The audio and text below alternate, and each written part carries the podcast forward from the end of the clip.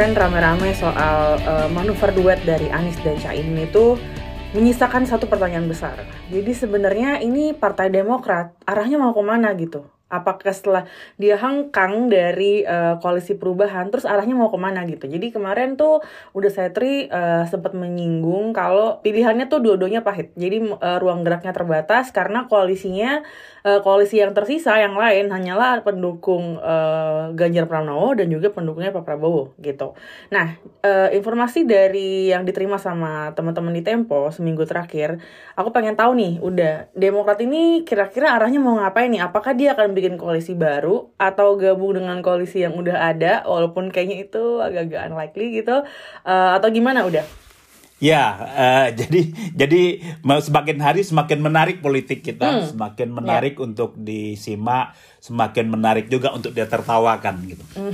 Baga bagaimana tarik ulur tarik ulur yang ujungnya kekuasaan, hmm. ujungnya kepentingan sesaat. Tapi ini Demokrat menarik Lisa. Yeah. Bagaimana drama uh, dua pekan lalu, ya kan, uh, di ujung dua pekan lalu itu adu cepat bikin siaran pers, kemudian pengkhianatan, tidak amanah hmm. dan lain-lain. Kami ditinggalkan, ya itu itu sudah lewat periodenya. Periode berikutnya hmm. adalah ke mana dia? Nah, yeah. ke, uh, kalau menyeberang pasti cuman cuman ada dua. Yeah. Satu koalisi pendukung Ganjar Pranowo, PDIP sebagai leadnya. Dan kedua, koalisi pendukung Prabowo Subianto. Gerindra, ada PAN, ada Golkar. Mm. Dua-dua itu pasti dalam proses penjajakan itu yang kita temukan. Jadi saling menimbang, saling macam. Uh, yeah. Ke Prabowo ada hambatan uh, lama. Ke PDIP juga ada ada luka-luka mm. lama yang masih uh, belum kering. Yeah. Gitu. Tapi. Tapi lagi-lagi kita harus lihat ini masih sangat cair. Ya. Karena nah karena sumber yang kita dapat Lisa hmm. uh, ada potensi, ada peluang Demokrat menyiapkan poros baru, poros keempat. Hmm. Nah, gitu. Tapi kita hanya hanya bisa menyimak langkah-langkah politik yang dilakukan, pertemuan, siapa bertemu siapa, membahas apa. Begitu ya. kira-kira. Jadi lagi-lagi masih sangat cair sekali nih Lisa. Ya, ya, ya. Udah tapi kira-kira Demokrat tuh punya syarat apa untuk bisa bergabung ke koalisi yang lain ini yang dua ini? Ya, syarat rasanya sih udah udah susah mengatakan. Kalau yang kita tangkap karena dulu kan ketika bergabung dengan koalisi pendukung Anies meskipun tidak secara tegas yang kemudian ini menjadi luka bagi mereka adalah ketua umum Demokrat Agus Harimurti Yudhoyono HAY menjadi wakil presiden. Hmm. Tapi ternyata Anies Surya Paloh memilih calon lain Muhammad Iskandar. Hmm. Mereka hmm. keluar. Ketika masuk misalnya kita simulasikan lah. Masuk ke koalisi pendukung Prabowo. Yeah. Posisi Demokrat sebagai newbie. dia yeah. dia pendatang baru sementara uh -uh. sudah ada partai-partai senior yang sudah ada yeah. sudah ber, membahas sejak sebulan dua bulan lalu atau berapa bulan yang lalu masuk ke koalisi pendukung Ganjar Pranowo begitu juga ada PDIP kemudian ada pula P3 yang juga lebih dulu sangat lebih sangat awal ada Perindo. Ah dan yang rumitnya susah ini negosiasi. Misalnya ketika masuk ke Prabowo sudah ada dua yang disebut-sebut tuh yang santer lah ya. Satu Erick Thohir yang lain Gibran ya. yang lain Hopipah Kemudian koalisi Ganjar Pranowo itu sudah jelas keputusannya bahwa calon wakil presiden dipilih oleh PDIP sebagai partai paling paling senior hmm. di sana. PDIP sudah jelas Ibu Mega. Jadi yeah. Posisi tawarnya untuk masuk ke menjadi calon wakil presiden misalnya hmm. itu lemah lah ya yeah. di dua kubu ini kubu yang sudah terbentuk ini. Hmm. Ya paling mungkin adalah memang ketika ada peluang ya ini sempat santer ya poros ya. keempat ya, poros keempat masih ada lah Demokrat misalnya dengan P3 gitu. Itu okay. kan meskipun dibantah Demokrat dengan PKS gitu-gitu kan ya. masih masih sempat tersiar. Ini mungkin nih kan kan hmm. sempat ada juga bahwa oke okay, poros keempatnya eh, Sandiaga Uno HAY. Nah, ya. tapi kan ini masih masih sangat apa ya masih sangat uh, dini ya. Mm, Oke. Okay. Nah, ini aku mau rekap di- dikit deh. Kita udah ngomongin soal eh, terbatasnya ruang gerak Partai Demokrat gitu ya.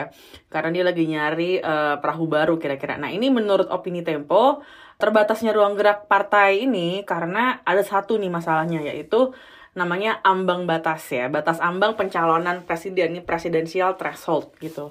Nah ini kalau ada yang belum tahu aturan ini, ini tuh e, menentukan bahwa suatu partai baru bisa mengajukan capres sendiri kalau punya minimal 20% kursi di DPR atau 25% dari suara sah nasional dari pemilu sebelumnya gitu. Kalau suaranya kurang, makanya dia harus berkoalisi supaya bisa mengajukan calon. Makanya kandidat capres tuh biasanya yang sekarang muncul tuh baru dikit ya udah dan itu pun yang pasti baru satu pasang nih yang udah kayak mengumumkan mendeklarasikan pasangannya gitu kan. Nah keramaian soal uh, Anies dan Nasdem dan juga Demokrat ini sebenarnya adalah contoh yang nyata dari dampak aturan itu. Nah ini kalau diinget-inget lagi uh, ambang batas itu munculnya kan karena mau membatasi jumlah partai biar nggak banyak kebanyakan partai-partai kecil atau yang kepengurusannya tuh kayak guram gitu ya partainya dikit gitu kan. Nah, aku mau nanya nih udah nih, sekarang dengan perkembangan yang kita lihat dengan Partai Demokrat ini, uh, gimana pendapat uh, teman-teman Tempo soal ambang batas nih? Udah.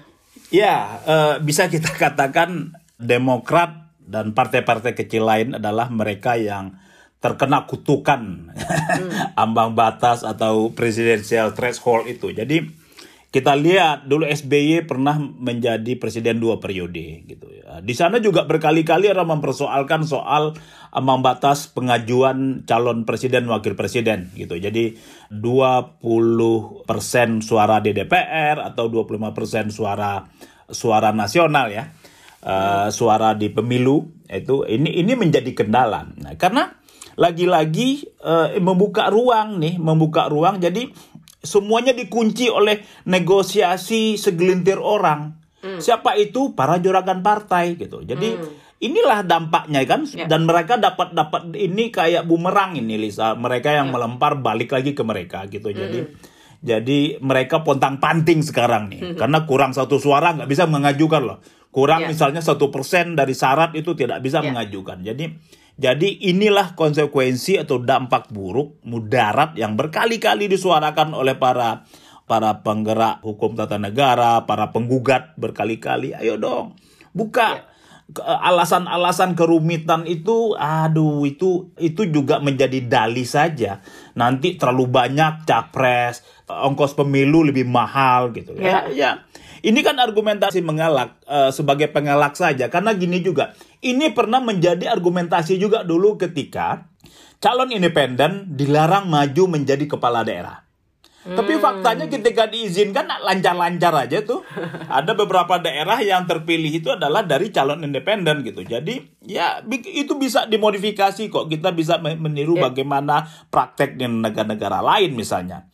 Ya sudah partai politik kita hanya urusannya di uh, legislatif untuk yeah. presidential threshold hmm. dihapus saja dan semua partai boleh mengusung calonnya biar mereka bertanding. Hmm. Jadi orang-orang yang terpilih itu tidak tertutup oleh oleh ini kayak arisan ini, arisan 5 6 orang juragan partai. Oke, sekarang itu ya, ini ya. Tapi jadi yeah. kita publik itu tersandra atau tidak dapat pilihan yang banyak. Kita tahu yeah. semakin banyak pilihan, semakin banyak yang tersedia, itu semakin uh, besar peluang mendapat orang yang berkualitas. Jadi itu dan ini terlihat kok.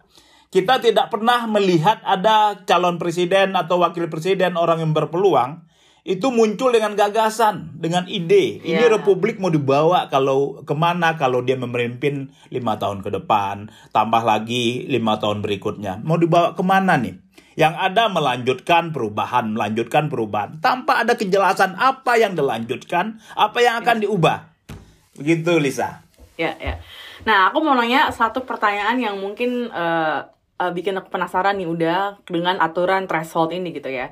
Jadi kan aturan ini kan jelas menguntungkan partai-partai besar yang suaranya uh, gede gitu ya. Tapi uh, ada banyak juga partai-partai kecil saat ini yang kayaknya mereka juga tidak menolak aturan ini gitu misalnya kayak P3, PSI gitu itu kenapa ya udah mereka tuh ya setuju-setuju ya, aja gitu ya karena ingin tetap uh, mempunyai bargaining power posisi tawar dalam proses penentuan calon presiden gitu. Hmm. Jadi oke okay, kita menjadi partai pengusung loh. Nah, ujung-ujungnya ya. nanti jatah kabinet gitu loh Lisa. Jadi ya inilah. Jadi jadi memang jadi publik ditinggalkan saya kita, kita saya ingin konsisten okay. bahwa publik ditinggalkan ini kepentingan hmm. sesaat dari para juragan partai baik ya. besar yeah. maupun kecil nah dampak dan ini mereka kan tersiksa sekarang nih karena yeah. misalnya Demokrat tidak cukup maju sendiri cari partai lain sudah dikekepin sama ya sama hmm, sama ya, capres ya, lain.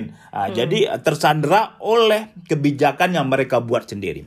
Bahwa ada yang diuntungkan nggak ada yang besar besar tuh kan diuntungkan mereka mereka sudah punya calon gitu. Tapi orang-orang yang sendiri seperti Demokrat ini ini kan serba salah. Masuk sebagai newbie susah ketika kita pendatang baru itu kan susah memberi syarat Hmm. Eh kan, oke okay, masuk ya. Kalau dulu kan oke okay, gue masuk gue minta itu ya. Ya. A B C D. Tapi kalau bisa. masuk sebagai pelengkap kan nggak bisa mau minta apa nanti diketawain orang gitu. Jadi jadi memang ini betul-betul uh, sistem ya sistem politik kita ya. yang mengunci bahwa uh, keputusan strategis soal pemimpin nasional yang akan mengatur seluruh rakyat Indonesia itu hanya di tangan para juragan partai. Dan ini buruk buat demokrasi. Kalau menurut Tempo nih angka threshold ini presidensial threshold ini sebaiknya diturunkan atau dihapus sama sekali udah. Karena kalau misalnya kita hapus nih bisa banyak banget dong calonnya dan uh, mungkin ada juga calon independen gitu ya. Dan ini mungkin akan membuat proses uh, pilpresnya tuh jadi panjang dan juga boros. Ya, uh, satu pertanyaan pertama Kenapa 20% kursi di DPR dan 25% suara nasional? Ini juga tidak bisa menjawab loh. Alasan hmm. pemilihan angka. Artinya ya. kalau diturunkan, diturunkan juga nanti pertanyaan kenapa harus 15? Nah, jadi ya sudah solusinya hapus saja. Uh. Ya, tentu ada kerumitan tapi pasti eh, bertemulah sebuah jalan tengah eh, bagaimana seleksi itu dilakukan gitu loh. Ini kan juga hmm. terjadi Lisa di kepala daerah kan juga juga ada syarat kan, syarat yeah. bahwa misalnya harus didukung oleh sekian di suatu wilayah sekian juta di misal Jakarta nih kalau maju calon independen gitu eh, tanpa partai politik dia harus membawa sejumlah eh, KTP dalam dalam satu juta atau berapa gitu sebagai syarat untuk memenuhi. Ini kan lebih lebih konkret nih. Jadi hmm. dia betul-betul dapat dukungan asli dari orang yang menginginkan dia jadi presiden berbagai teknis itu kalau seolah-olah susah tapi kok di negara lain bisa gitu loh kok kok di hmm. kita kita enggak gitu jadi ya kalau sudah langsung susah tanpa pernah mencoba ya oh, sekarang okay. teknologi sudah maju kok misalnya ya. Uh, ya yang paling bisa kita tiru lah dengan KTP Hmm. bahwa pemilunya panjang nanti menjadi mahal segala yeah. macam Ya ini kan Itu argumentasi gimana? yang yang belum teruji juga. Memangnya dengan sistem sekarang nggak mahal. Okay. Kemudian kualitasnya bagaimana? Kalau sedikit ya. mahal kualitas bagus, sementara ini juga mahal tapi kualitas mengecewakan, mendingan sedikit mahal kualitas bagus lah. Ini kan seperti membeli barang saja nih ya. Lisa. Ya. Nah, tapi lagi-lagi please ini uh, sistem sistem pemilu ini dan terus terjadi sampai saat ini dan kita berkali-kali menyebut dalam dalam podcast ini bahwa publik itu hanya menjadi penonton. Yeah. Masyarakat itu hanya dibutuhkan dalam survei. Berapa sih tingkat kesukaan, berapa sih tingkat keterpilihan? Itu kan basisnya dari pendapat responden yang semuanya adalah masyarakat gitu. Nanti di ujungnya adalah dia mencoblos siapa tanpa dia pernah tahu bahwa yang dicoblos itu punya ide apa untuk memperbaiki nasibnya. Yang akan dipilih itu punya konsep apa, punya program apa untuk memberi manfaat langsung buat perubahan hidup para pemilihnya. Ini kan yang nggak ada ini. Narasi-narasi yang keluar adalah ini minta ini minta ya, untuk kepentingan posisi ini posisi itu ya, ya. tidak tidak pernah sampai ke bawah udah ini kan beberapa kali dengar tuh kayaknya aturan ini digugat ke MK gitu ya. Itu hasilnya apa ya udah? Ya, 30 kali rasanya sudah ada tuh ambang-ambang iya, batas digugat. Hmm. Dan para hakimnya uh, hebat. Oh. Hakim hakimnya hebat berkuku tidak mau mengkoreksi. Jadi ini kabar baik lah ya, Eh, kabar baik buat hakimnya tapi kabar buruk buat seluruh rakyat Indonesia bahwa bahwa keputusan hakim MK yang komposisinya juga sebagian mewakili DPR, mewakili pemerintah, itu mereka eh, membiarkan eh, politik itu di hanya dikangkangi oleh segelintir orang politik itu tidak berpihak kepada publik, publik hanya menjadi penonton, dan kedaulatan rakyat itu seharusnya ada di tangan Mahkamah Konstitusi, tapi kedaulatan rakyatnya dipakai oleh Mahkamah Konstitusi untuk melanggengkan kekuasaan para juragan partai. Hmm, oke. Jadi itu gugatan yang sekarang yang ada di MK saat ini menurut Tempo nggak akan dikabulkan ya? Ya, tinggal rasanya ada tinggal satu atau dua deh, Lis. Tinggal Lisa, tinggal satu atau dua. Tapi kalau meli kita kan susah menebak-nebak deh. Satu, so eh, harapannya sadarlah MK-nya bahwa kalian itu lembaga peradilan tertinggi yang tugasnya adalah mengembalikan kedaulatan rakyat kepada rakyat gitu loh, bukan kepada para jurgan partai. Tapi melihat persentasenya, ya bisa jadi ini dia mimpi di siang bolong. 30 ditolak. Ya. kemudian nanti pertanyaannya argumentasi hakimnya kita sudah menolak 30 kenapa yang satu kita kabulkan? Nah itu gitu kan itu kan bahasa hukumnya. Nanti apa dasar hukumnya kita mengabulkan yang satu ini sementara sebelumnya sudah kita tolak 30 tapi ya mudah-mudahan dengan melihat bagaimana kekacauan republik ini yang terjadi belakangan ini kita bingung nih Eh, siapa presiden yang harus kita pilih karena yang dominan adalah eh, dagang sapi partai politiknya bukan Oke. bukan sosoknya ini udah saatnya mengembalikan kedaulatan rakyat kepada rakyat yang sesungguhnya dan lewat lembaga yang lembaga yang memang ditugaskan untuk mengembalikan itu itu Mahkamah Konstitusi. Oke. Ini setelah kena imbas aturan threshold ambang batas 40 40 ini kira-kira bakal akan ada saatnya mereka ber- berubah pikiran nggak ya udah dengan tidak mendukung aturan ini lagi? Atau mereka tetap akan terima-terima aja?